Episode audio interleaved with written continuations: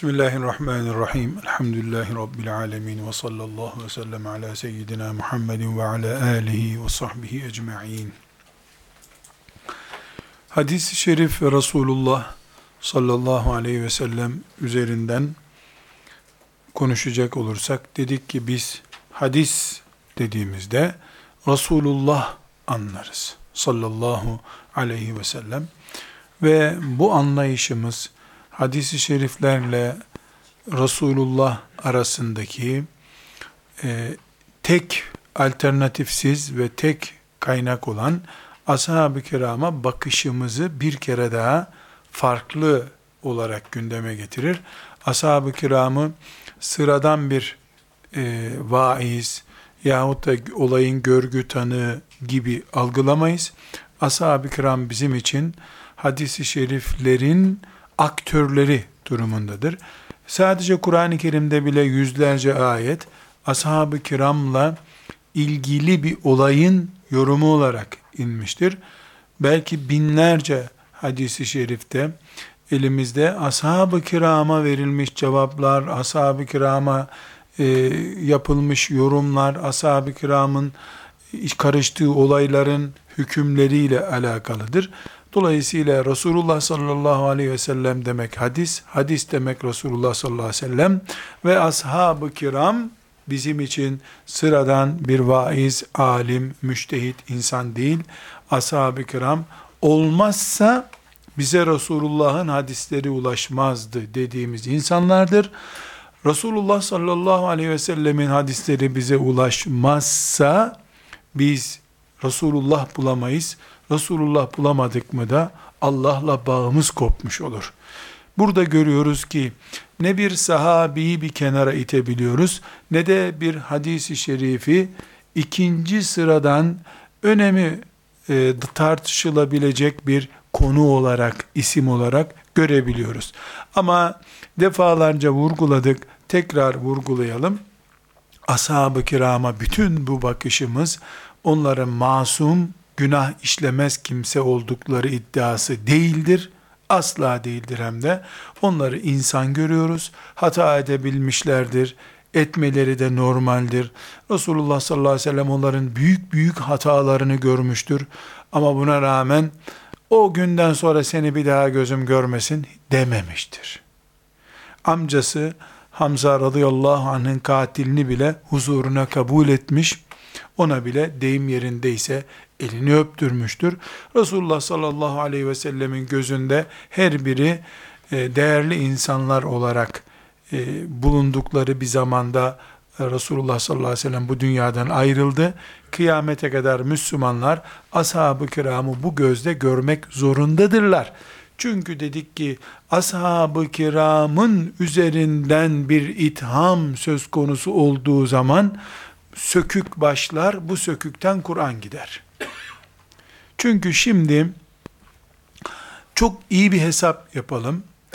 E, filanca sahabinin tartışılabildiğini, atılabildiğini, yalan söyleyebileceğini varsayalım. Peki biz ashab-ı kiramı tartıştık. Netice ne? Filan numaralı hadis kayboldu. Buhari'den gitti. Bu hadisle kalmaz. Hadisler şöyle böyle diyorsun ama hadisleri bize nakletmede geçen isim sayısı kaçtır? Bilemedim bindir.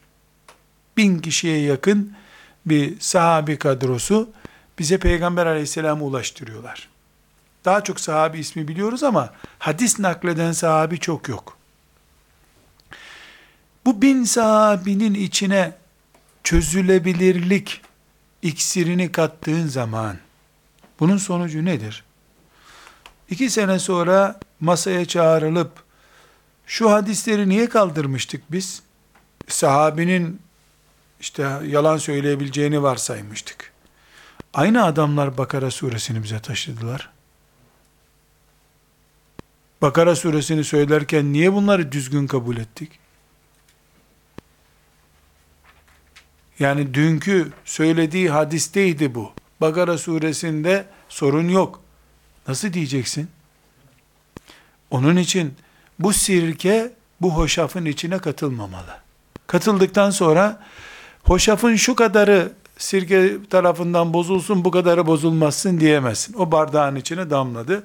Şeytan bu planı çok büyük bir e, geniş zaman içerisinde çok derin tuzaklarla yürütüyor. Ama inşallah e, Resulullah sallallahu aleyhi ve sellemin sünnetini, ashabı kiramı savunmayı Allah bize nasip edecek. Onların e, isminin etrafında da inşallah bir diriliş bulacağımızı Allah'tan umut ediyoruz. Dördüncü olarak da dedik ki e, Allahu Teala Kur'an-ı Kerim'de Ali İmran suresinin 113. 10. ayetinde 110. ayetinde siz insanlık için çıkarılmış en hayırlı ümmetsiniz buyuruyor. Bu söz bizim üzerimizde bir temenni gibi duruyor ama ashab-ı kiramın üzerinde temenni gibi durmadı. Geldi ashab-ı kiramın alnına damga gibi yapıştı bu. Gerçekten e, ümmeti Muhammed'in yüz akı, insanlığın yüz akı, Resulullah sallallahu aleyhi ve sellemin gönlünün tacı oldular. Büyük hizmetler yaptılar. Onların bu en hayırlı ümmet olma vasfı sayesinde de elhamdülillah bugün biz Müslüman olduk. Bu da Allah'ın lütfu, keremiyle oldu dedik. Sonra e, beşinci maddemizde ne demiştik? Beşinci maddenin başlığı ashab-ı kiram e, tebliğde herhangi bir Müslüman, herhangi bir hoca efendi, herhangi bir müştehit gibi değildirler. Adeta onların e, tencere gibi olduğu bir şeyde Resulullah sallallahu aleyhi ve sellem çorbasını pişirdi. Yani biz bir tas alıp o tasın içine çorba koyuyoruz ama ashab-ı kiram bir tencere gibi oldular. E, cezalar onlara verildi, müjdeler onlara verildi, ilk namaz onlarla kılındı. Çok enteresan mesela, çok e, böyle dikkatimi çeken bir örnektir. E, sahabinin birisi e, namazda bir şeyler e, oluyor, hapşırıyor vesaire vesaire. Yani bir cevap veriyor öbürüne, konuşuyor. E, Efendimiz sallallahu aleyhi ve sellem o sahabeyi çağırıyor. Ya sen ne yaptın namazda diyor. Namaz böyle konuşulur, şey yani yerhamkallah falan denir bir şey değil namaz diyor.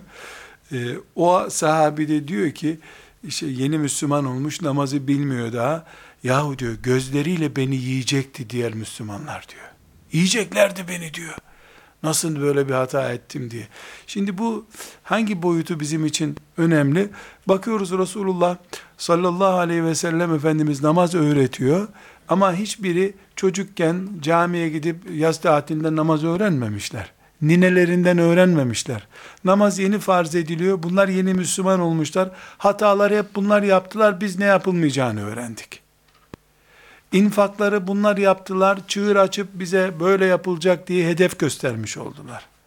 Yani ashab-ı kiramın küntüm hayra ummetin uhricet linnâsi ayetine muhataplığı yüzde yüz yerine oturmuştur. Allah onlardan razı olsun.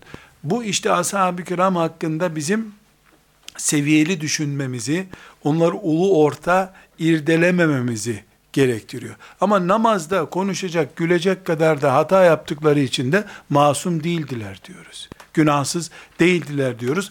Böylece dengeyi bulmuş oluyoruz Allah'ın izni ve lütfuyla. Şimdi e, bir başka e, ashab-ı kiramı tebliğ, dini tebliğ açısından farklı duruma getiren Tirmizi'nin 2657. hadisi şerifi hepimiz için e, bir değerlendirme konusudur. E, meşhur hadis-i şerifi Efendimiz sallallahu aleyhi ve sellemin Naddarallahu imra'en semi'a minna şey'en febellegehu kema semi'a ferubbe mubellegin ev'a min sami'in hadisi şerif şimdi bize söylendi. Şu anda biz dinledik bunu. Mealini de söyleyelim belki anlamadık diyeceğiz. Ee, buyuruyor ki sallallahu aleyhi ve sellem Efendimiz, kim bizden bir şey duyup da, duyduğu gibi onu başkasına aktarırsa, Allah onun yüzünü güldürsün. Nice bir söz duyan insanlar olur ki, onlar sözü anlatandan daha iyi kavrayabilirler. Çok açık bir emir bu. Sen git bir hadis mi biliyorsun onu anlat. Sen o hadisle üç iş yaptın belki yirmi iş yapacak o adam. Talebesi hocasından iyi olma ihtimali olan bir ümmetiz biz elhamdülillah. Talebesi hocasını geçer, hocası da bundan mutluluk duyar. Naddarallahu imraen semi'a minna şey'en. Bizden bir şey duyup febellegahu kema semi'a duyduğu gibi onu aktarandan Allah razı olsun, Allah yüzünü güldürsün, mutlu olsun diye dua ediyor peygamber. Sallallahu aleyhi ve sellem. Sonra da sırrını açıklıyor. Bu ümmetin talebesi hocasından değerli olabilir. Bu arkadaşlar çok enteresan mucizevi hadislerden biridir. Ahmet bin Hanbel bir milyon hadis biliyordu. Bunun ne demek olduğunu konuşacağız. Sahabeden en çok hadis bilen Ebu Hureyre 8 bin hadis biliyordu. Enes İbni Malik'ten çok hadis bilen hadis alemi sayısı belki 10 bin tanedir. Çünkü geldi Enes'in, Ayşe'nin, Ebu Hureyre'nin, İbn Mesud'un hepsinin hadisini toplayan talebeleri çıktı bunların. Böylece hadis ne buyuruyor? Nice anlatılan, kendisine ders verilen talebe vardır ki hocasından daha iyi işe yarar. Oldu nitekim.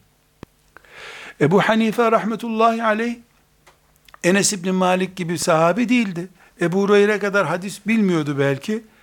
Ama yüz binlerce fetvanın kaynağıdır şu anda. Bu ümmetin bereketidir bu. Şimdi bu hadisi şerifi, Tirmizi'nin bu hadisi şerifini biz ne kadar uyguluyoruz? Sahabe-i kiram, Allah onlardan razı olsun, ne kadar uyguladılar. Müslümanlar olarak evlerimizi bir Riyazu Salihin dersine ne kadar açabiliyoruz? Ashab-ı kiram kulaçlarını ne kadar yelken yaptılar rüzgara. Hadisi öğretmek için, öğrenmek için. Dedik ki ashab-ı kiramla kıyas edilebilecek bir hoca yoktur. Onların hocalığının dengini kimse yapamaz. Biz bir hadisi Ebu Hureyre rivayet etti, Enes İbni Malik rivayet etti, Ebu Sa'id el-Hudri rivayet etti derken, filan yazarın kitabındaki hadis kitabında veya fıkıh kitabındaki bir konu gibi değildir bu. Onlar bu işin yüzde yüz hakkını verdiler. Benden bir ayet olsun anlatın. Kim benim bir sözümü başkasına naklederse yüzü gülsün, mutlu olsun sözünü alıp harçlık gibi götürdüler. Amin, amin ya Resulallah demediler. Amin ya Rabbi, amin. Ya nasip hepimize inşallah. Bizim felsefemiz, amin ya Resulallah. Onlarınki peki ya Resulallah. Lebbeyke ya Resulallah. Lebbeyke ya Resulallah. Tamam ya Resulallah. Tamam. Tamam, tamam. Başka bir şey yok. Tamam. Hem de arkadaşlar, tamam da değil. Tamam Arapça bir kelimedir. Tamam tamam demek Arapça. Lebbeyke ya Resulallah. Lebbeyke ve sa'deyk. Baş göz üstüne ya Resulallah. Baş göz üstüne. Bu yüzden Resulullah sallallahu aleyhi ve sellem onlara da naddarallahu imraen dedi. Bize de naddarallahu imraen Allah o adamın yüzünü güldürsün benim bir hadisimi taşırsa dedi. Onlar bir hadis için diyar diyar dolaştılar. Biz bir hadisi sıcak radyatörün dibinde okumaya ne kadar vakit ayırabiliyoruz? Ama tenkide ileri geri konuşmaya geldi mi ashab-ı kiramı abi gibi amca gibi konuşuyoruz. Münakaşa edebiliyoruz. Cüret gösterebiliyoruz. Maazallah. İşte ashab-ı kiramın farklarından biri. Bir başka fark Ebu Davud'un 3659. hadisi, Ahmet bin Hanbel'in 2945. hadisi şerifi. Efendimiz sallallahu aleyhi ve sellem ashabına hitap ediyor. Bunu yorumlayacağız. Tesma'una ve yusma'u minkum ve yusma'u minellezine yesma'una minkum. Tesma'un ve yusma'u minkum ve yusma'u minellezine yesma'un minkum. Siz dinliyorsunuz. Tesma'un siz dinliyorsunuz.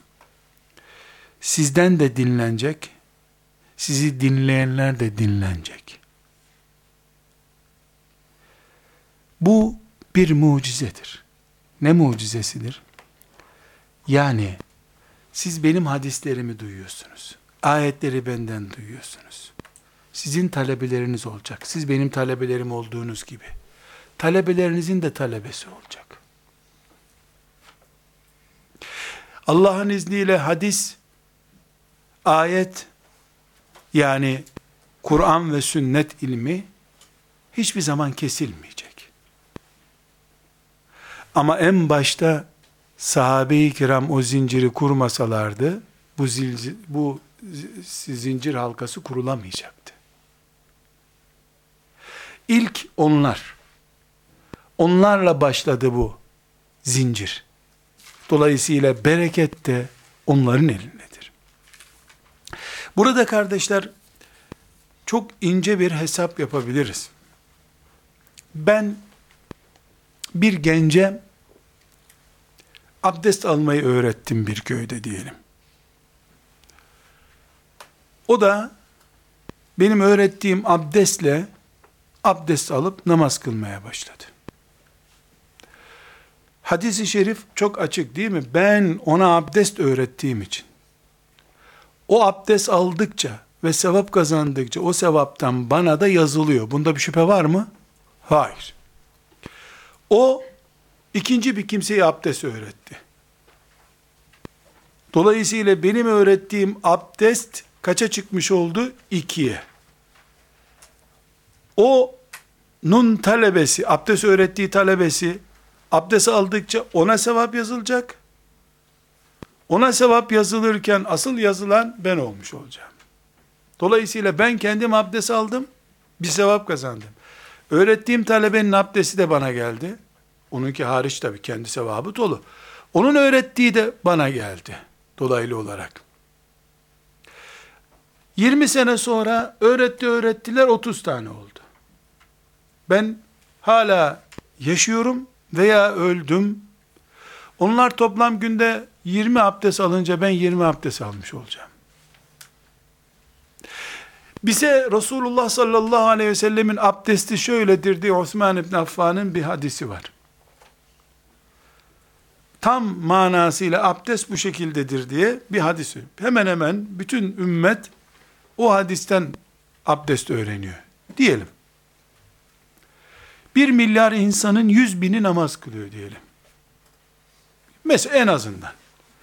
Bu yüz bin abdestten her biri abdest aldıkça sevap kazandığı gibi Osman İbni Affan da her gün yüz bin abdest alıyor demektir. 1400 senedir de böyle abdest alıyor. Resulullah sallallahu aleyhi ve sellem de baş öğretmen olduğu için katrilyonlarca abdest alıyor her gün. Dolayısıyla herhangi bir Müslüman hocalığını veya sevabını ashab-ı kiramla ölçemez. Ne toplayacaksın da sahabeyle ölçeceksin buna. Herhangi bir şeyh efendi, müştehit, alim, Allah dostu, ne kadar değeri yüksek olursa olsun, bu dini kendi çorbası gibi kazanında pişirip bize ulaştıran ashab-ı kiramın düzeyine ulaşamaz hiçbir zaman. Bu matematiksel olarak mümkün değildir. 2000 sene yaşaman lazım. Bir milyar insana abdest Kur'an öğretmen lazım ki Ebu Hureyre'nin seviyesine gelebilesin. Hepsinin de namaz ehli olması lazım. Bunun için ashab-ı kiramı konuşurken, ashab-ı kiram hakkında herhangi bir şekilde masumiyet, peygamberlik iddiası olabilecek laubaliliklerde konuşmaktan Allah'a sığınırız. onları bizim Kur'an kursu hocamız gibi, camide namaz kıldıran imamımız gibi görmekten de Allah'a sığınırız. Yerleri farklı. Allah onları sevdi. Sevdiği gibi de peygamberinin dostu yaptı. Peygamber aleyhisselama çile çektirip sonra iman edenleri oldu. Hemen teslim olanları oldu. Ama Allah ve peygamberi hepsini sonunda tertemiz kabul etti. Halid bin Velid'i çok enteresan e, bir şekilde sevdi. Çok tatlı bir e, hatıra Halid bin Velid ile ilgili nakledeyim. Halid bin Velid'in lakabı Seyfullahil Meslul'dür. Seyfullah Allah'ın kılıcı demek. El meslul kınından çıkmış. Kılıç kınında duruyor ya. Seyfullahil meslul kınından çıkmış kılıç demek. Efendimiz sallallahu aleyhi ve sellem onu böyle övmüş. Sen Allah'ın kınından çıkmış kılıcısın. Yani iyi bir kahramansın demiş. Filistin ilk defa Ömer bin Hattab zamanında Halid bin Velid'in de bulunduğu bir e, ordu ile fethedildi. E, birisi Halid bin Velid'e diyor ki e, Halid diyor yani diyor Ömer seni görevden aldı ya diyor.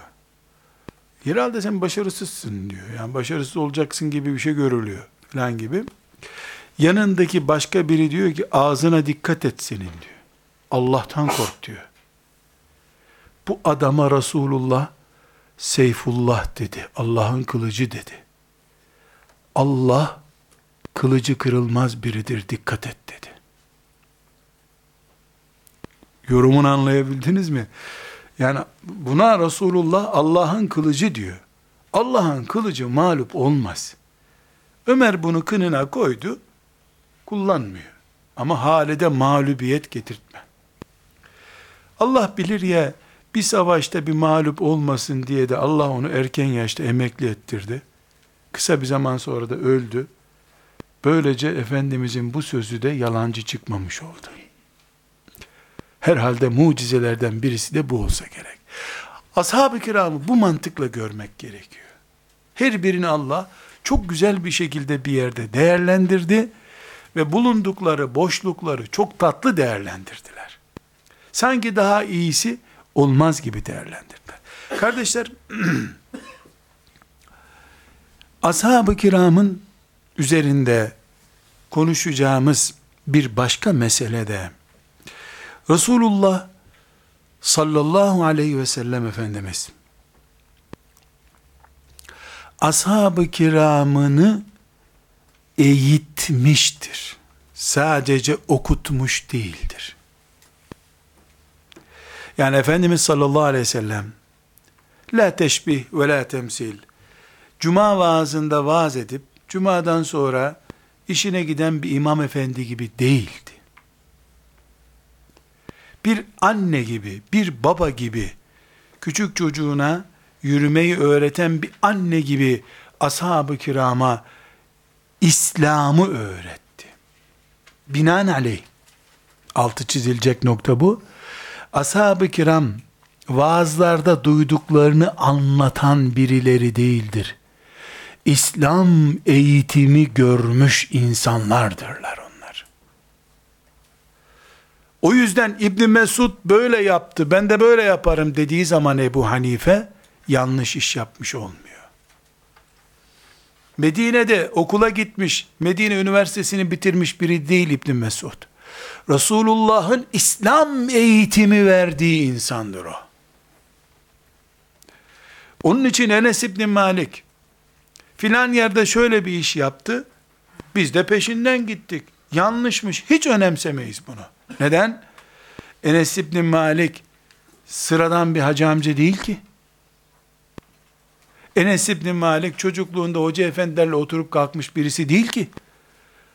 Resulullah'tan eğitilmiş bir insan biri. Eğitim görmüş birisi. Öğretim değil ama. Zira bir şeyi öğretmek başka, bir şeyi eğitmek başka.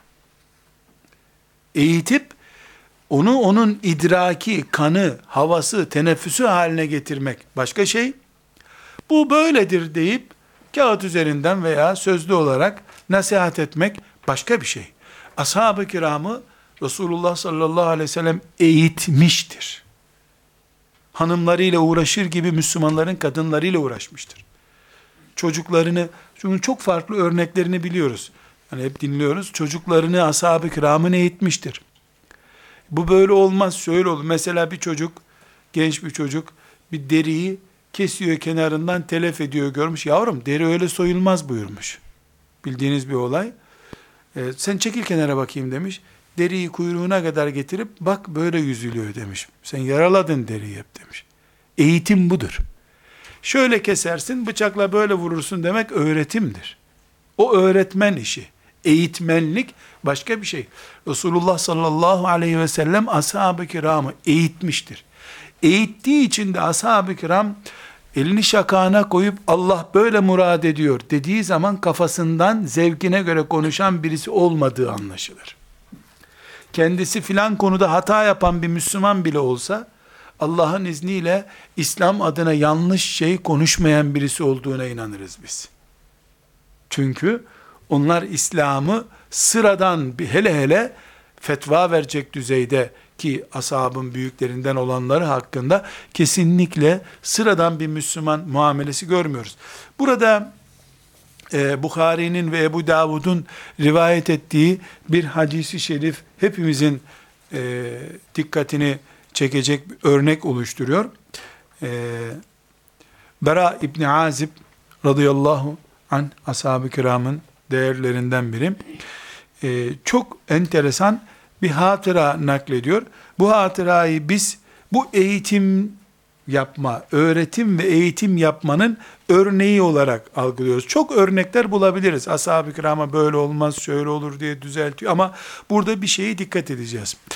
Diyor ki Resulullah sallallahu aleyhi ve sellem e, bana buyurdu ki Bera yatağına geldiğin zaman yani yatacağın zaman abdest al sonra e, sağ tarafına yani namaz abdesti gibi al sonra e, sağ tarafına elini koyarak yat. Yatınca da de ki Allahümme eslemtu vecihi ileyk ve fevvaltu emri ileyk ve elce'tu zahri ileyk ragbeten ve rahbeten ileyk la melce'e ve la menca minke illa ileyk Allahümme amentu bi kitabikellezi enzelt ve bi nebiyyikellezi erselt fe in mut böyle de bunu böyle de fe in mutte min leyletike fe ente alel fitrati sen bu sözleri söyledikten sonra o gece ölürsen fıtrat üzere ölürsün. Yani annenden doğduğun gibi temiz ölürsün. Bu akşam yatmadan önce ki son söz sonra e, bunları da son söz olarak söyleyeceksin ama daha dünya kelamı konuşmayacaksın. Böylece kendini Rabbine teslim etmiş oluyorsun. Şimdi burada e, Bera İbni Azib radıyallahu anh diyor ki ee, dedim ki ya Resulullah sana bir tekrar edeyim bakalım ezberleyebildim mi? Eğitim yapıyor çünkü. Feraddettuha alen nebi sallallahu aleyhi ve sellem. Ee, aynı duayı Efendimiz onu okuyunca okumaya başlamış. Bakalım ezberledim mi diye. Bu duada ne diyordu? La melce ve la menca minke illa ileyk. Allahümme amentu bi kitabikellezi enzelt ve bi nebiyyikellezi arselt. Allah'ım indirdiğin kitaba iman ettim gönderdiğin nebine iman ettim. Ve bi nebiyyikellezi ersel. Oraya gel, geldiğimde diyor, e, şöyle okumuş. Allahümme amentu bi kitabikellezi enzet ve rasulikellezi erselt. Nebi kelimesini Resul kelimesiyle değiştirmiş. Biraz önce Efendimiz ne okudu? Allahümme eslemtu veci ileyk ve favvaltu emri ileyk ve elcetu zahri ileyk rahbeten ve rahbeten ileyk la mence ve la mence minke illa ileyk Allahümme amentu bi kitabikellezi enzelt ve bi nebiyyikellezi arselt gönderdiğin peygamberine iman ettim. Nebi ne demek? Peygamber demek. Resul ne demek? Peygamber demek. Aynı anlamın çift kelimeleri bunlar. Evet, ıstilahi mana farkları var. Ve bi nebiyyikellezi arselteyi tekrar ederken duayı ve Resulikellezi arselt diye okumuş. Resulullah sallallahu aleyhi ve sellem buyurmuş ki La, la ve nebiyyikellezi arselt. Ben sana öyle demedim. Nebiyyikellezi arselt diyeceksin demişim. Şimdi bu namazın farzlarından biri değil. Vaciplerden biri değil. Kur'an ayeti değil. Anlamı bozan bir hata da değil bu. Anlam bozulmuyor. Ama Peygamber aleyhisselam eğitim yapıyor. Her gelen öyle bir kelimeyi başka bir eş anlamlısıyla değiştirse bugüne bu din sağlam gelemezdi.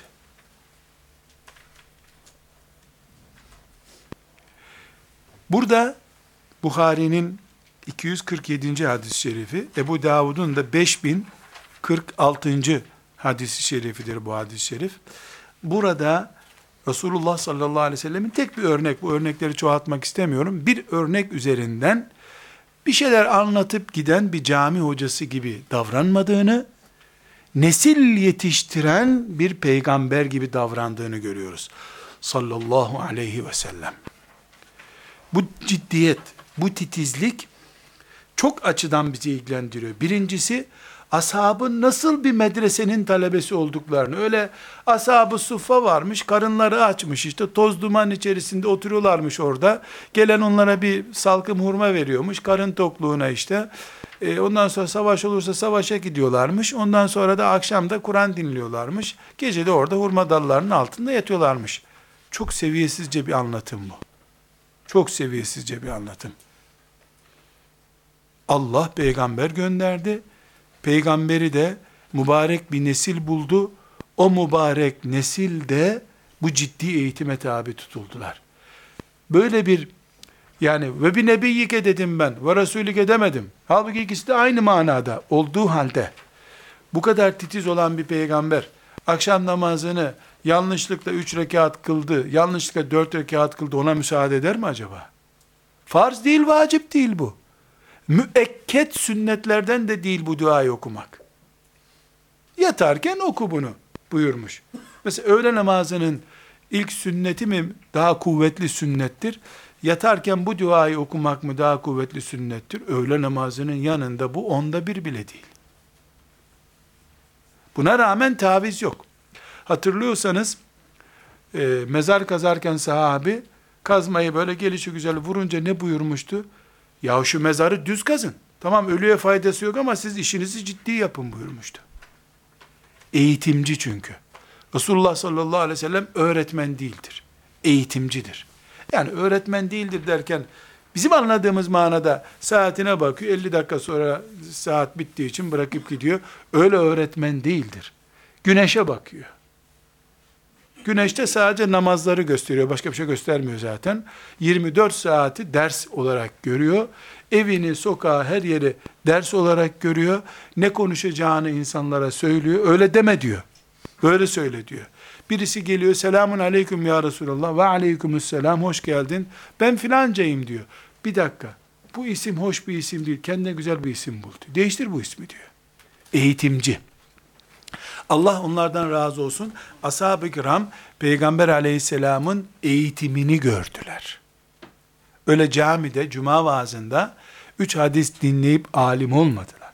Evet, hepsi bu eğitimi görme fırsatı bulamadılar. Geç Müslüman olanlar oldu. Ee, başka görevlere görevlendirildikleri için e, bu derslere katılamayanlar oldu. Ama ümmetinin müştehitleri, alimleri, hocaları olarak dünyaya saldığı nesli bu şekilde yetiştirdi. Sallallahu aleyhi ve sellem. Bu örneği Buhari ve Ebu Davud'dan naklettiğimiz bu örneği Resulullah sallallahu aleyhi ve sellemin ashabı ile ilgili nasıl bir eğitim gördüklerini anlama bakımından inceliyoruz. Aynı zamanda da e, baştan beri tekrar ettiğimiz biz hadis derken Resulullah anlıyoruz. Ve bu hadisleri bize nakleden de ashab-ı kiramdır dedik. Ashab-ı kiramla ilgili belli karakteristik özelliklerini saydık ki kazara bunları herhangi bir yerin hocası, herhangi bir müştehit filan zannetmeyelim diye. Herhangi bir alim zannetmeyelim diye. Çok değerli bir hoca efendi filan değil ashab-ı kiram. Allah onları bizim ilk halkamız olarak seçmiştir kıyamete kadar la ilahe illallah Muhammedur Resulullah demek şerefine nail olan herkes minnettar yaşayacaktır ashab-ı kirama. Hiç çaresi yok kimsenin. Kimsenin bunda bir muafiyeti yoktur. La ilahe illallah dediysen ashab-ı kirama minnettarsın. Çünkü onlar bu e, yükün altına girmeselerdi, çorba onların kazan olduğu bir kazanda pişmeseydi, biz İslamiyet'i bu titizlikle bulamazdık. Eğer ashab-ı kiramın kıymetini anlamak istiyorsak, İsa aleyhisselamdan ve Musa aleyhisselamdan, Davut aleyhisselamdan sonraki Müslümanlara bakalım. 100 sene korunamadı Hristiyanlık. İsa aleyhisselamın dini ki o da İslam nihayetinde. Musa aleyhisselamdan 50 sene sonra ortada ne Tevrat kaldı ne Musa aleyhisselamın şeriatı kaldı. Ama bugün elhamdülillah ve bir nebiyyike demiştim sana ve resulike dememiştim diyen uyarı bile elimizde hamdolsun. Hem de öyle ki benim nüfus kağıdımda çıkarsam belki kayıtlara ters bir rakam filan çıkar ama Allah'ın izniyle Bukhari'de böyle bir tereddüt yok elhamdülillah. Üstelik pek çok onlarca örnek, hatta yüzlerce, şu anda aklımda belki yüz tane örnek sayabilirim. Sahabe, Peygamber aleyhisselamın onu nasıl ayıpladığını anlatıyor. Sana ben dememiş miydim diyor. Niye böyle yaptın diyor. Yani hadi hep övüldükleri şeyleri anlatıyorlar diyelim. Geliyor kendisi, ben şöyle bir hata ettim, yüzüm kızardı, fena bir şekilde Resulullah sallallahu aleyhi ve sellem beni şamarladı diyor. Şöyle azarladı beni diyor. Bir daha yapma dedi diyor. Hani hep övüldükleri şeyleri anlatmıyorlar. Yerildikleri, tenkit edildikleri, yani ayetler iniyor haklarında, niye böyle yapıyorsunuz diye, o ayetleri, bu benim hakkımda indi Allah beni affetsin diyor. Çünkü dertleri onların reklam yapmak değil, Allah onları benden duyduğunuzu anlatın diyen peygamberinin hoparlörü gibi koyduğunu anladılar bu göreve de sadık kaldılar. Buradan biz çok şey kendimize çıkarıyoruz. Onları anlıyoruz. Bir, iki, Müslümanlık nedir? Hocalık nedir? Davetçilik nedir? İslam adına yazı yazmak nedir? Bir camide imam olmak nedir? İmam Hatip Lisesi'nde hadis dersi hocası, tefsir hocası olmak nedir? Bunu anlıyoruz. Kıyamet günü bunlarla beraber cennete gireceğiz inşallah bu ihlası, onların bu ihlas ve gayretini ölçü alırsa Allah, giriş sıkıntısı olabilir. E bunlardan da Allah razı oldu. Radıyallahu anhum. Allah onlardan razı. Üstelik de yani içki içeni oldu. Zina edeni oldu. Eli kötülüğe bulaşanı oldu. Buna rağmen Allah onlardan razı. Neden? Çünkü o hatalarında inatlaşmadılar. Kaydı ayakları, baktılar ki kayıyoruz, hemen ayağa kalktılar, toparlandılar, tövbe edip eskisinden daha temiz hale geldiler. Ashab-ı kiram hakkında bunu düşünüyor. Bir madde daha, sanki bir altıncı madde gibi ilave etmemizde fayda var. Ee, ashab-ı kiramla ilgili ama bunu bir altıncı madde gibi saymak istemiyorum e, sonraki e, sahabeden sonraki tabi'in, ondan sonraki, ondan sonraki 3-4 nesil yani hadisleri bize ulaştıran bütün e, o alimlerin hepsiyle ilgili, her hoca ile ilgili, vaaz eden herkesle ilgili, hele hele, hele hele, böyle oturup bir yerde birbirlerine vaaz eden kadınlarla ilgili, aman Allah, kadınlarla ilgili. Nauzu billahi teala. Şu hadisi şerif Bukhari ve Müslim'in rivayet ettiği hemen hemen mütevatir hadislerdeki en örnek hadislerden birisidir. Men kezebe aleyye muteammiden fel yetebevve mak'adehu minen nar. Men kezebe aleyye muteammiden bilerek bana yalan ulaştıran yani Resulullah böyle dedi diye yalan söyleyen cehennemdeki yerini hazırlasın çok büyük günah işlemiştir filan demiyor. Günah münah yok. Cehennemdeki yerine hazırlan sen diyor. Bitti. Resulullah dedi diye yalan söylüyorsun sen. Çünkü bir suç kumar oldu, zina oldu, insan öldürmek oldu. O orada kalan lokal bir suçtur. Ama Resulullah'ın adına uydurulmuş bir yalan, kıyamete kadar milyarlarca insanı yanlış yönlendirmektir. Yani bir e, cinayet, bir herhangi yalan, herhangi bir namaz kılmamak, içki içmek, İslam yoluna dökülmüş bir kara leke gibidir. Geçtin mi biter. Ama yalan söz, Resulullah böyle dediğin zaman yolu sağa kaydırıyorsun, sola kaydırıyorsun. Yol saptırıyorsun. Allah'ın gösterdiği hedefin yüzde üç derecesini kaydırıyorsun. Yüzde iki başka yöne kaydırıyorsun. Ümmeti Muhammed'i Peygamber aleyhisselamın veda haccından son insana kadar olan binlerce senelik insan neslinin Allah'a yanlış ulaşmasına sebep oluyorsun. Binlerce insanı yalan olmayan bir şeyle umut var ediyorsun. Şu kadar şu kadarı söyleyen şu kadar sevap kazanacak diyorsun. Adam da takla atıyor. Ben ya Rab bunu yedi defa fazla dedim üstelik. Herhalde şimdi melekler yorulmuştur sevabımı yazmaktan. Kıyamet, kıyamet günü gidip bakacak ki adam hiç sevap diye bir şey yok ortada. Ulan ne oldu bizim hani tırlar dolusu sevap? Yani hani Resulullah demişti ki şu saatte şunu yapan şu kadar sevap kazanacak. Nerede ne oldu bu? Öyle bir şey dememişti ki Resulullah. Bu on binlerce sana aldanıp o uydurma hadisle bu işi yapan insanlar yakana yapışacak kıyamet günü. Getir sevaplarımızı diyecek. Hangi haçla, hangi Kur'an okumakla kapatacaksın o hacı sen? Helalleşmenin hiçbir çeşit mümkün olmadığı bir yerde bu afetle karşılaşacak insan. Bunun için Resulullah sallallahu aleyhi ve sellem Efendimizin mütevatir hadis-i şeriflerinden kaynağı Buhari, Müslim her, her hadis kitabında hemen hemen İlk başlarda bu hadis zikredilir. Men kezebe aleyye muteammiden felyetebevve mak'adehu minen nar. Benim ağzımdan yalan uyduran cehennemdeki yerini hazırlasın buyuruyor. Öyle yani günah işledin, tövbe et filan değil. Çok büyük suç bu. Allah muhafaza buyursun. Bu kadar senedir Rabbime hamdü senalar olsun. İşte Kur'an'la, şeriat ilimleriyle meşgulüz kenarından vesaireden. Bazen e, kadınlar meclisinden sorular geliyor. Aman Allah'ım öyle sözler, öyle acayip şeyler ki yani ne duydum ne duyanı duydum. Şunu yapan şöyle olurmuş. Resulullah sallallahu aleyhi ve sellem çok gizlice bunu Ebu Bekir'e söylediği için diğer sahabiler bilmiyormuş. Ulan diğer sahabiler bile Ebu Bekir'den duyamadı, sen nereden duydun? 1400 sene sonra. Bunu niye söyledin sorulduğunda nokta şuraya gidiyor. Çok e, işte örtünsünler kadınlar diye dedim. Alimallah bir kadının açık gezmesi onun ve onunla ona işte bedenine bakıp günaha girecek 50-100 Müslüman toplam 100 kişinin cinayetidir diyelim. Hepsi istiğfar etse bu kapanır.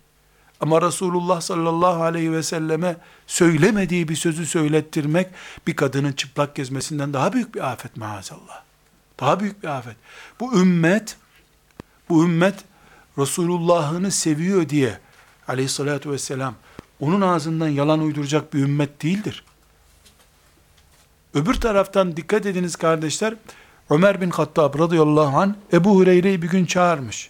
İleride göreceğiz bunu hadislerin yazılması diye bir ders yapacağız. Orada göreceğiz inşallah. Bana bak Ebu Hureyre demiş. Gittiğim her yerde Ebu Hureyre dedi ki Resulullah diyormuş diyorlar. Sen bu kadar hadisi nereden duydun? Dün Müslüman oldun sen demiş. Çünkü Ebu Hureyre son iki buçuk senesinde Müslüman oldu Efendimiz sallallahu aleyhi ve sellem. Yani bilemedin üç sene Müslüman olarak yaşadı. İşte şuradan duydum, buradan duydum. Kalkmış demiş ki bak Mesela filanca hadisi duydum söylüyorsun. Ya bana şahit getirirsin ya ne yapacağımı biliyorsun demiş. Ne yapacağını herkes tahmin ediyor. Hiç şakası yok. Resulullah'ın adına sen nasıl söz söylersin? Çünkü söylediğin herhangi bir gazete haberi değil. Kıyamete kadar bütün Müslümanlar Resulullah böyle dedi diye inanacak. Ve üstelik sen kolay şeyler söylediğin için de cihattan vazgeçecek insanlar 7 bin defa şunu dedin mi 7 bin cihat etmiş sayılırsın diye oradan boş, boş umutla bekleyecek öyle. Basit bir şey değil Resulullah adına yalan söylemek. Gökten güneş düşse kafana daha hafifti senin için. O da zavallı gitmiş. Ya Müslümanlar duyan var mı Resulullah'tan bu sözü benden başka? Bulmuş filanca da duymuş getirmiş Ömer'e bak bu da duydu demiş. İyi gidebilirsin demiş. Yani Ebu Hureyre'nin bile veya filan sahabinin başkalarına da yapmış bunu. Ebu Musa'ya da yapmış. Ne yapıyorsunuz siz ulu orta Resulullah'ın adına konuşuyorsunuz demiş. E şimdi sen Kur'an okuyabiliyor musun? Yok. Tefsir zaten duyduğun yok, hadis duyduğun yok, Arapça yok, doğru dürüst Türkçe bilmiyorsun. Biraz daha yaşlı, işte kocasıyla hacca gitmiş, özelliği o. O hacca gidince de bir flash diskte bunun kafasına bütün Peygamber aleyhisselam'a ait bilgileri takmışlar. Gelir gelmez allame zaten. Bu hadis Resulullah sallallahu aleyhi ve sellemin söylemediği sözleri ona söylemiş gibi söylettirmek hangi afete işaret ediyor onu vurguluyorum. Şimdi bu men kezebe aleyye müteammiden felletebevve mak'adehu minen nar sözü Resulullah sallallahu aleyhi ve sellemin ashabına söylediği sözdür. Çünkü bu sözü bize ashab-ı kiram taşıdılar. Şimdi e, Resulullah sallallahu aleyhi ve sellemin etrafında e, can veren, mallarını veren, hiçbir fedakarlığı esirgemeyen, öl dese ölseler, dirilse bir saat sonra bir daha öl dese bir daha ölmeye, yüz defa her gün ölmeye hazırlar önlerinde. Uğruna mallar, canlar her şeyini terk ettiler. Bir, bir önceki derste örnek verdik. Yani onun uğruna, onun yanında olmayı bile e, gerekli görmediler. Onun uğruna. Muaz örneğini mesela hatırlayınız. Beni bir daha burada bulamazsın Muaz dedi. Ey selamun aleyküm dedi çekti gitti. Çünkü Resulullah'ın davası Resulullah sallallahu aleyhi ve sellem'den daha değerliydi onlar için. Şimdi bu insanlara Peygamber aleyhisselam Efendimiz men kedebe aleyye muteammiden felletebevve mak'adehu minen nar ha cehennemden hazırlansın dedi. Sen Ebu Hureyre'ye Enes İbni Malik'e duymadığı bir sözü nasıl söylettireceksin? O iman sahibi adamlar peygamber adına yalan söyleyebilirler mi? Sırf bu nedenle dikkat ederseniz e, gerçi ne kadar tabi Arapçasını takip ediyorsunuz. Hadis okurken hutbelerde hadis okunduktan sonra Kale Resulullah sallallahu aleyhi ve sellem ev kema kale ev kema kale derler. Resulullah sallallahu aleyhi ve sellem buyurmuştu ya da nasıl buyurduysa artık. Yani aman Resulullah'ın belki bir virgülü vardı orada onu unuttuk ne olur ne olmaz. Yani nasıl dediyse artık ben hatamı kabul ediyorum. Bu neyi gösteriyor? Hala bu men kezebe aleyye müteammiden felletebevve mak'adehu minen nar ikazının hala kulaklarda canlı olduğunu gösteriyor.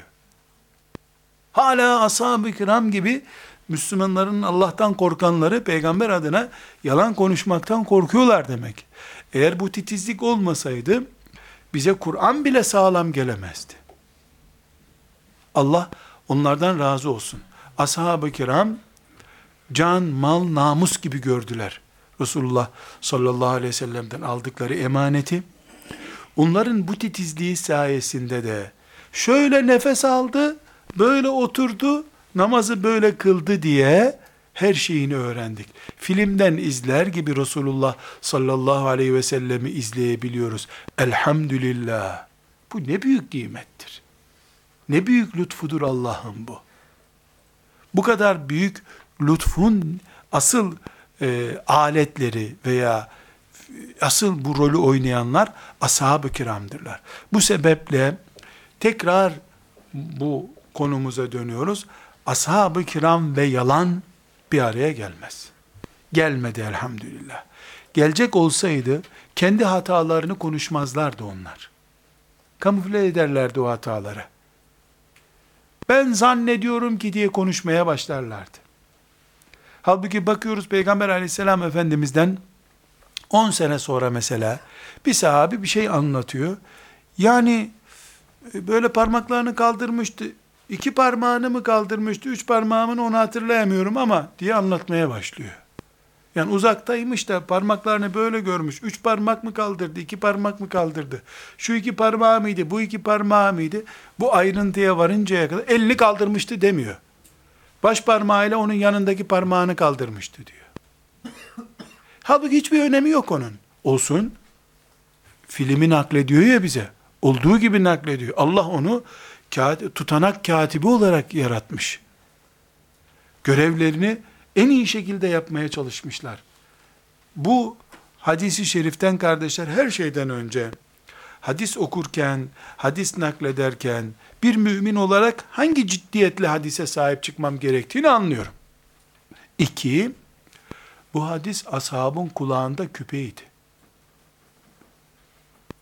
Bu hadisi 70'e yakın sahabi nakletmiş. Bu men kezebe aleyye müteammiden felyetebevve mak'adehu minenler 70'ten de fazla sahabi bunu naklediyor. Ne kadar sık sık tekrar etmiş bunu Efendimiz demek ki. Yoğun tekrardan dolayı bunu hemen hemen her sahabi duymuş. Bu yüzden de pek çok sahabi kenara çekilmiş, e, hadis nakletmemiş. Mesela e, ileride örnek olarak göreceğiz. E, sahabi yaşlı, e, yahu sen bize hadis anlatırdın, niye anlatmıyorsun diyorlar. Elini şakağına koyuyor, yaşlandım diyor. Resulullah'ın sözleri, bir yaşlının kaldıracağı şeyler değil, unutmuş olabilirim, neyime gerek diyor, başkasına sorun. Eee biz Uhud'a giderken peygamberle, biz o zaman gençtik tabi. Böyle asker hikayesi anlatmak yok. Din anlatıyorsun sen. Anlattığın her şey, kıyamete kadar insanların Allah demesine yardım edecek. Veya kafirlere taviz olacak. Cennet cehennemin anahtarlarını veriyorsun sen. Şifrelerini dağıtıyorsun insanlara. Tekrar özetleyecek olursak kardeşler, bir, biz Resulullah sallallahu aleyhi ve sellem dedi ki dediğimizde, yani bir hadis konuştuğumuzda, Resulullah ne demekse bizim için, o duyguyla dinleriz onu. İki, Resulullah sallallahu aleyhi ve sellemin ashabını sıradan bir talebe görmeyiz. Resulullah sallallahu aleyhi ve sellemin ashabı Allah'ın seçilmiş kullarıdırlar. Üç, onların hakkında biz olayın şahitleri bile demiyoruz. Olayın aktörleri diyoruz. Yani elimizdeki Kur'an, elimizdeki hadis-i şerifler anlatılırken ashab-ı kiram bunları dinlemişti. Ya da filmi onlar izlemişti değil. Onların üzerinde oldu bitti bu zaten. Dolayısıyla onlar gibi birisinin anlamış olması mümkün değil. Dolayısıyla onların yaptığı bir yorum, haklı olarak yaptıkları yorumdur. Onun yaptığı yorumda yanlışlık olsa bile, benim yaptığım doğru yorumdan daha doğrudur o. Onun yorumlamak doğal hakkı. Benimki zorlamayla elde edilmiş bir haktır. Ve bir dördüncü husus, ashab-ı kiram bu dinin tebliğcileridirler. Ama bu tebliğ benim burada konuşmam gibi. Bir konferans salonunda bir hoca efendinin konuşması gibi. Bir camide bir imam efendinin cuma vaazı yapması gibi değildir. Al bunu bir sonraki kuşağa taşıt, emanet ettim sana diyen Resulullah'ın kendi ellerine koyduğu emanettir o. Bizim gibi imtihandan iyi puan almak için ders çalışıp ezberledikleri hadisleri anlatmadılar. Al bunu götür diye bizzat emanet taşıdılar. Onların hocalığı, emanetçiliği, tebliğciliği bu mantıkla görülmeli. Aynı şekilde dedik ki Resulullah sallallahu aleyhi ve sellem Efendimiz ashabını öğretmekten çok eğiterek yetiştirdi. Eğitim yaptı. Çok e, örnekler var. Sadece nafile bir ibadet üzerinden, farz vacip olmayan, haram mekruh olmayan bir şey üzerinden bir örnek verdik. Yani bir gece yatarken okunan dua ve bi nebiyyikellezi arseltehi ve rasulikellezi arselte okuyunca hop öyle değil. Ve rasulike demedim ve bi nebiyyike dedim diye ikaz ediyor. Aynı şeyi haçta bir hatada yaptığını düşün. Aynı şeyi mesela Kur'an okurken bir ayeti yanlış okuyarak geçtiğini düşün. Susması mümkün mü Resulullah sallallahu aleyhi ve sellemin? Dolayısıyla ashab-ı kiram tasdik edilmiş, parafa edilmiş bir eğitimcidir. O yüzden biz ashab-ı kiramı bu farkla ele alıyoruz. Sonra son nokta olarak hem ashab-ı kiram için hem de diğer nesiller için yani diğer hadisleri bize ulaştıran e, alimlerimiz, Allah onlardan razı olsun, onlar için geçerli bir söz. Resulullah sallallahu aleyhi ve sellemin mütevatir sözü, benim adıma yalan konuşan cehennemdeki yerine hazırlansın. Hazırlasın, hazırlansın. Bu ikazı ashab-ı kiram çok iyi bildiler. Çok örnekler görüyoruz ashab-ı kiramda. Yer yer bu örnekler geçecek. Ötleri patlamış deyim yerindeyse. Aman Resulullah hakkında bir yanlış söylerim. Bu yüzden en ince ayrıntılara varıncaya kadar gayet dikkatli bir şekilde anlatmaya çalışmışlar. Ashab-ı kiram böyleydi. Biz de böyle olmamız lazım diyoruz. Ve kardeşler bu sonuçtan şunu çıkarıyoruz ki ashab-ı kiram Allah onlardan razı olsun. Resulullah sallallahu aleyhi ve sellemin hoparlörü durumundadır. Ses Resulullah'ın sesidir. Ebu Hureyre diye biz onu duyuyoruz. Enes İbni Malik diye duyuyoruz. Aişe diye duyuyoruz. Zeynep diye, Ümmü Seleme diye duyuyoruz. Ama ses Resulullah'ın sallallahu aleyhi ve sellem sesidir. Bunu bu şekilde iman ediyoruz. Ashab-ı kiramı durduğu yerden çektin mi, Resulullah sallallahu aleyhi ve sellemi açıkta bırakarsın. Resulullah sallallahu aleyhi ve sellem açıkta kalırsa, senin Allah'a ulaşacağın sistem çöker. Allah'a ulaşan sistemin yokken de ne kadar Müslüman ve mümin olduğunu iddia edersin. Bu herkesin kendi vicdanıyla baş başa kalıp verebileceği bir cevaptır. Burada kardeşlerim, e, bu dersin sonunda küçük bir hatırlatma yapmak istiyorum. Kendi e, takdim olarak, aynı zamanda siz kardeşlerime ikaz olarak bunu kabul edin. Bu derste hiç kimseye cevap vermiyorum. Böyle bir ihtiyaç da hissetmiyorum. İman ettiğim şeyi anlatıyorum ben. Kimseye cevap vermek zorunda değiliz. Ben kış günü gökleri ısıtamam. Çukurova'ya soba kurup ovayı ısıtamam ben. Şeytanla öyle mücadele edemem. Şeytanı imha etmem mümkün değil benim. Kendimi korurum şeytandan. Ben böyle iman ediyorum. Bu imanı konuşuyorum. Filanca dedi ki diyebilir. Diyebilir. Taif'ten Resulullah sallallahu aleyhi ve sellem Efendimiz'i taşlarken de Allah senden başka bir kimse bulamadı mı demişlerdi zaten. Öyle dediler diye biz de şimdi çıkıp başkasını mı arayacağız? Dediyse dedi. Size de bir kardeşiniz olarak hararetle tavsiyem, asla bu konularda tartışmaya girmeyin. Eğer gerçekten samimi olarak onun yanlış düşündüğünü anlıyorsanız, onu o yanlışında derinleştirirsiniz. 2 santim uzaktır Resulullah'tan 6 santime çıkarırsınız onu. İleride viraja dönme ihtimali varken de sizinle tartıştığı için döndüremezsiniz onu. İnsanoğlu tartışarak kimseyi fikrinden vazgeçirememiştir. Örneği yoktur bunun. İnsanlar güçlünün önünde teslim olurlar, vazgeçti numarası yaparlar. Güçlünün gücü kalkınca da herkes ayağa kalkar tekrar. O yüzden bizim vazifemiz sevgili Peygamber aleyhisselam efendimize iman etmemiz, hadisi şeriflerine sahip çıkmamızdır. Biz gökyüzünü ısıtamayız, kendimizi, odamızı, evimizi ısıtırız. Bir kova kömürle Allah'ın izniyle evimiz fırın gibi olur. Aynı kömürün yüz katıyla Çukurova'yı ısıtmaya, Ağrı Dağı'nı ısıtmaya kalksan hiçbir işe yaramaz. Onun için hadis konusunda ileri geri konuşmaya katılmamanızı tavsiye ederim. Asla katılmayın. E size bunu e, o esnada şeytan diyecek ki ya adama pes ettin şimdi bu adam herkesi ikna edecek. Ne yapayım? Ben kendimi korumak her şeyden önce görevim. Dinimi yaymak görevim. Samimi bir şekilde öğrenmek isteyeni anlatırım. Sorana cevap veririm. İş tartışmaya gelince selam, selam, kalu selama değil mi? Ve izâ khâtabahumul cahilûne kâlû selâma.